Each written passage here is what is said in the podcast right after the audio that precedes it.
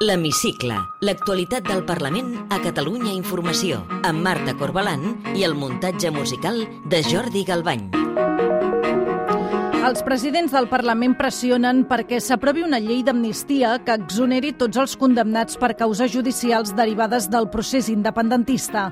El president de la cambra, Roger Torrent, i els seus antecessors en el càrrec han signat aquesta setmana a favor de la campanya que promou la plataforma ciutadana Amnistia i Llibertat. L'entitat ja ha recollit 25.000 signatures i té enllestida una proposta normativa per elevar al Congrés dels Diputats. Avui entrevistem la portaveu parlamentària de Catalunya en Comú Podem, Susana Segovia. Benvinguts a l'Hemicicle. En un acte al despatx d'audiències, l'actual president del Parlament, Roger Torrent, acompanyat dels seus antecessors, Carme Forcadell, Ernest Benac i Joan Rigol, han firmat aquesta setmana una declaració perquè s'aprovi una llei d'amnistia.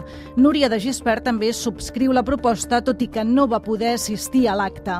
Torrent reivindica l'amnistia com la millor via per resoldre el conflicte polític entre Catalunya i l'Estat. Els indults poden ser una bona solució per qüestions, per situacions de caràcter personal, però al mateix temps hem de dir que l'amnistia és l'única solució efectiva per posar fi a la situació de repressió que viuen milers de catalans i catalanes i per avançar cap a la resolució democràtica al conflicte polític. Tot i reivindicar l'amnistia, els presos, a qui el Suprem tombarà previsiblement el tercer grau la setmana que ve, no hi confien gaire. Així de pessimista s'ha mostrat la mateixa Forcadell. El que tinc més segur és que el dia 28 de gener hauré complert una quarta part de la condemna i, per tant, podré tenir permisos que no depenen del Tribunal Suprem. Això és l'únic que tenim segur. De tota la resta no hi ha res segur perquè se'n parla molt, però si, si hi hagués hagut veritable voluntat de fer-ho, jo crec que s'hauria pogut començar a fer ja fa molt de temps. Avui, al Parlament, posem el zoom sobre L'independentisme reivindica l'amnistia com la millor via per resoldre el conflicte polític català, però hi ha altres opcions sobre la taula com els indults o la reforma del Codi Penal per revisar el delicte de sedició. En què es diferencia un mecanisme de l'altre? Anem a pams. Si es concedís l'amnistia als líders independentistes, se'ls eliminaria la pena i, a més, se'ls eximiria de qualsevol culpa.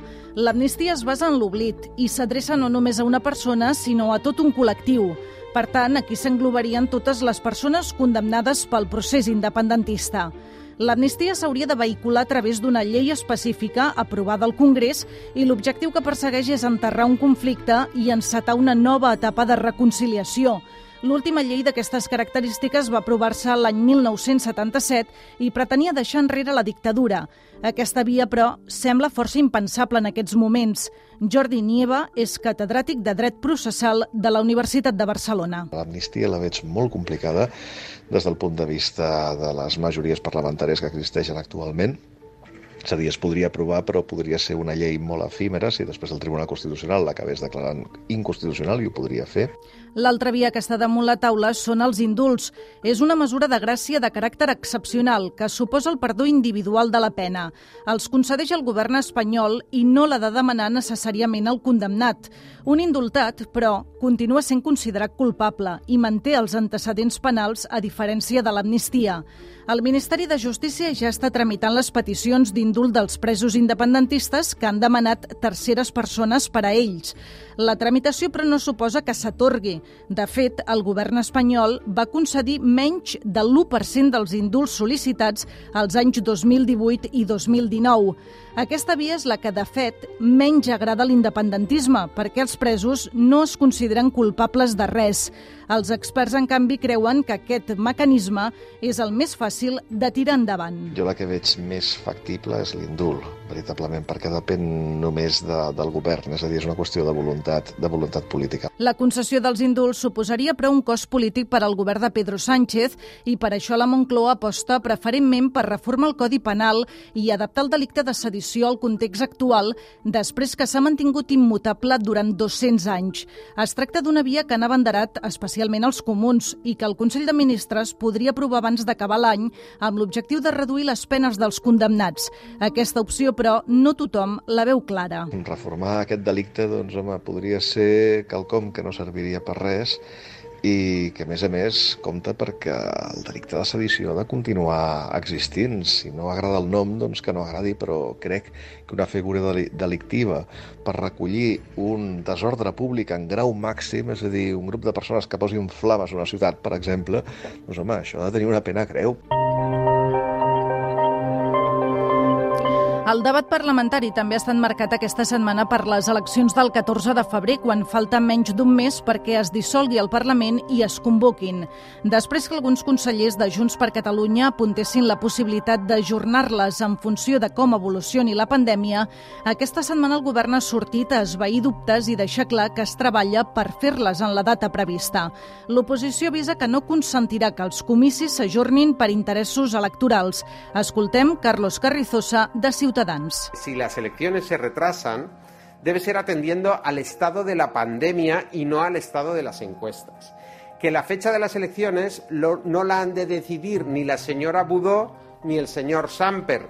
La portaveu dels comuns, Susana Segovia, demana al govern que garanteixi les eleccions per al 14 de febrer. Nosaltres creiem que justament el que ha de fer el govern de la Generalitat de Catalunya és posar-hi tots els recursos econòmics, tecnològics necessaris per garantir que el 14 de, de febrer tothom a Catalunya podrà exercir el seu dret al vot. El que no entenem és que hi hagin aquestes contrainformacions per diferents membres del govern que posen sobre la taula la possibilitat d'un ajornament electoral. Per garantir el dret de vot de tots els ciutadans, el govern vol potenciar el vot per correu sense sortir de casa. La Junta Electoral Central ha autoritzat que els funcionaris de Correus puguin actuar com a dipositaris del sufragi, però per això caldrà treure's un certificat digital.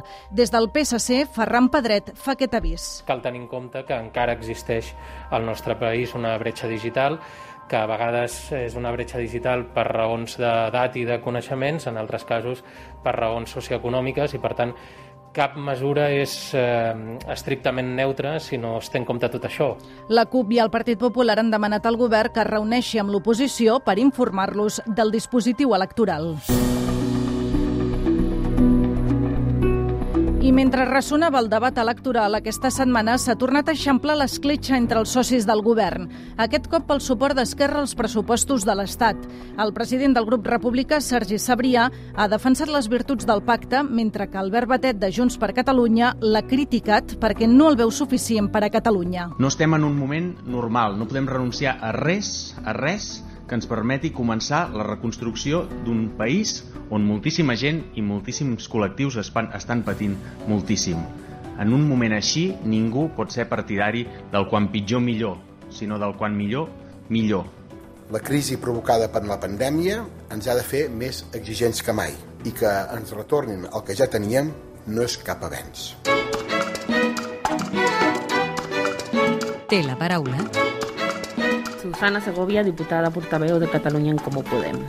Gràcies per atendre'ns a l'hemicicle de Catalunya Informació.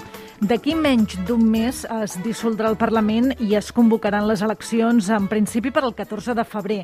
Els fa por que amb el rerefons de la pandèmia hi hagi algun partit amb tentació d'ajornar-les per interessos electorals? Creiem que les eleccions són més necessàries i més urgents que mai. Nosaltres fa molt de temps que estem demanant eleccions. És cert que estem vivint una situació sanitària complicada i que probablement al febrer encara ho sigui, però també és cert que tenim temps, que tenim temps per poder-ho planificar, per poder-ho pensar bé. Estem demanant de fa temps al govern que hi hagi una reunió amb els grups parlamentaris perquè ens expliqui com està pensant la seva estratègia per garantir que els catalans i les catalanes podran exercir el dret a vot el 14 de febrer. Però nosaltres considerem que no hi ha excuses. El Parlament estarà dissolt, calen unes eleccions, cal un govern fort i ferm que tiri endavant la sortida d'aquesta crisi. Com definiria aquesta legislatura que ja s'està acabant? Doncs una legislatura bastant, jo crec que frustrant. Ha sigut una legislatura on no hem pogut avançar gaire en modificacions legislatives, han aprovat poquíssimes lleis, on crec que durant molt de temps hi ha hagut més temps per la gesticulació i per la confrontació i la polèmica entre partits que per fer polítiques públiques de veritat. Crec que com a mínim hem aconseguit tenir uns pressupostos aprovats aquest any. Nosaltres, el nostre grup, vam treballar amb el govern per poder tenir aquests pressupostos perquè consideràvem que els necessitava Catalunya per poder seguir endavant i ara, encara amb la crisi, es veu més necessari que mai. Precisament parlant de pressupostos, el seu partit, com ens explicava, va permetre aprovar els pressupostos de la Generalitat per aquest any i ara Esquerra donarà suport als pressupostos de l'Estat del govern de Pedro Sánchez i de Pablo Iglesias. Hi ha hagut, podríem dir-ho així, com un intercanvi de suports. Aquesta col·laboració amb els republicans té voluntat de perdurar? En aquest cas, creiem que el que cal és consolidar la majoria de la investidura, consolidar aquest govern de coalició progressista i aconseguir que es tirin endavant lleis importants i coses importants com els pressupostos amb aquesta majoria de progrés que va donar lloc a la investidura i nosaltres creiem que l'aprovació d'aquests pressupostos és una senyal de que anem pel bon camí. Ens situem ara ja en un escenari hipotètic després de les eleccions del 14 de febrer i parlem, si li sembla, de possibles aliances postelectorals. Veu possible una aliança entre els comuns i Esquerra o creu que el partit d'Oriol Junqueras, si els resultats ho permeten, preferiria reditar un altre govern amb Junts per Catalunya? Nosaltres el que creiem és que després d'aquestes eleccions cal un govern d'esquerra i cal un govern sòlid, cal un govern progressista. I en aquest sentit nosaltres sempre hem dit que la garantia de que hi hagi un govern d'esquerres a Catalunya som nosaltres. Per tant, nosaltres estem disposats a assumir una responsabilitat en aquest govern que ha de liderar la reconstrucció i que ha de buscar la sortida de la situació de crisi sistèmica que estem i que s'ha vist agreujada amb, amb la situació sanitària i la, per la pandèmia de la Covid. Per tant, jo crec que el que és important és que anem a aquestes eleccions amb aquesta perspectiva de que el que cal és un govern per sortir de la situació actual, per liderar la construcció d'una Catalunya més justa, més solidària, més feminista. I nosaltres farem tot el possible perquè això sigui així. Una de les carpetes encara pendents de resoldre continua sent el conflicte polític català. Els comuns portaran el referèndum al programa electoral del 14 de febrer? Nosaltres sempre hem defensat que la sortida política, eh, la sortida del conflicte català ha de ser una sortida política i que una sortida política ha de passar pel dret a decidir. Nosaltres estem treballant per la taula del diàleg, estem treballant per la reforma del delicte de sedició perquè també creiem que és vital, fonamental, que els presos polítics estiguin al carrer per poder trobar aquesta sortida i que hi ha diferents estratègies que podem treballar a diferents ritmes i en diferents nivells per avançar cap a aquesta solució. Però qualsevol sortida ha de ser una sortida que el poble de Catalunya pugui decidir. D'aquestes estratègies que em comentava, eh, entenc que estem parlant dels indults, de l'amnistia o de la reforma del Codi Penal per reajustar el delicte de sedició. Per quina via eh, aposten els comuns? Crec que les tres són perfectament compatibles. Hi ha algunes que poden ser més viables i més factibles ara mateix. Nosaltres estem defensant molt la reforma del Codi Penal pel delicte de sedició, que a més a més està ja sobre la taula i pot ser una realitat molt aviat. Creiem que la via dels indults també pot ser una via efectiva i que més segurament serà ràpida. Creiem que la via de l'amnistia és una via que s'ha de poder explorar perquè segurament ara mateix no té les majories necessàries per ser la, la, la manera més fàcil d'aconseguir la llibertat dels presos i les preses polítiques. Nosaltres no descartem cap de les vies, però creiem que cal prioritzar aquelles que poden donar un resultat més efectiu i més immediat i aconseguir abans la llibertat de presos i preses polítiques. Diu que la reforma del delicte de sedició pot ser la via més ràpida. Això vol dir que eh, estarà aprovada aquesta reforma abans de les eleccions del 14 de febrer? Hi ha un compromís del govern de l'Estat de tirar endavant aquesta reforma i jo sé que s'estan posant tota la maquinària a disposició perquè això es pugui aprovar. Esperem que pugui ser quan abans millor. No sé dir-te si serà abans del 14 de febrer, però sí que creiem que seria important poder començar a tenir resultats abans d'aquesta data, segur. Veu el govern espanyol eh, indultant els presos independentistes? Crec que hi ha hagut una, un moviment molt clar del govern de, de Pedro Sánchez des de fa uns anys, o fins i tot de la darrera campanya electoral per a les eleccions generals, el que estem sentint ara. Per tant, crec que està havent-hi moviments. Crec que el mateix acord de pressupostos que estem veient ara demostra una apertura diferent d'aquest govern de coalició progressista. Per tant, crec que són vies que estan encara obertes i que són vies que tenen camí per davant. Ha visitat o s'ha cartejat amb algun pres? Sí, vaig anar a veure a la Dolors Bassa. Fa mesos que ens ha tocat conviure amb una pandèmia. Què n'ha après de tota aquesta etapa? A que cal continuar treballant molt per la igualtat, a que cal continuar treballant molt per no deixar ningú enrere. Entrem, si li sembla, en el terreny més personal. Té algun pecat confessable? M'agrada viure bé, m'agrada menjar bé, m'agrada el bon vi i m'agrada molt dormir. Té algun record d'infantesa? Sí, clar que tinc records. Tinc els records de jugar al carrer. Quin diputat o diputada ideologia a banda fitxaria per al seu grup? Jo crec que fitxaria el Ruben Wagensberg. Quina banda sonora posaria a la Catalunya d'aquests temps? Uau, segur que seria una banda sonora mestissa. Crec que, que la Catalunya no d'aquests temps i la Catalunya de sempre no es defineix només amb una cançó ni només amb, una, amb un artista, sinó que hauria de ser una Catalunya que barregi doncs, el pop, el hip-hop, el rock, el, la cançó catalana, la, moltes músiques. No, no seria capaç de dir-te una banda sonora perquè crec que Catalunya és diversa, Catalunya és mestissa i la seva banda sonora ho és igual. Li fa por alguna cosa? Doncs sí, em fa por que les persones que m'estimo pateixin. Em fa, em fa molta por pensar això, que les puc perdre o que poden patir. Què li fa somriure? La meva filla. I per acabar, completi la frase següent.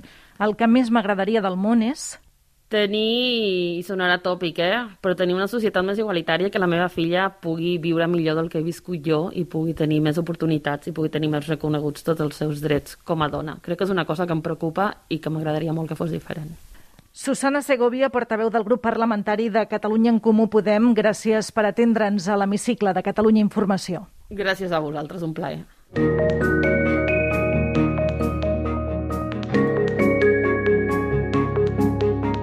Podeu tornar a escoltar l'Hemicicle al web catradio.cat barra hemicicle o al podcast del programa i seguir l'actualitat del Parlament al perfil de Twitter arroba L-hemicicle.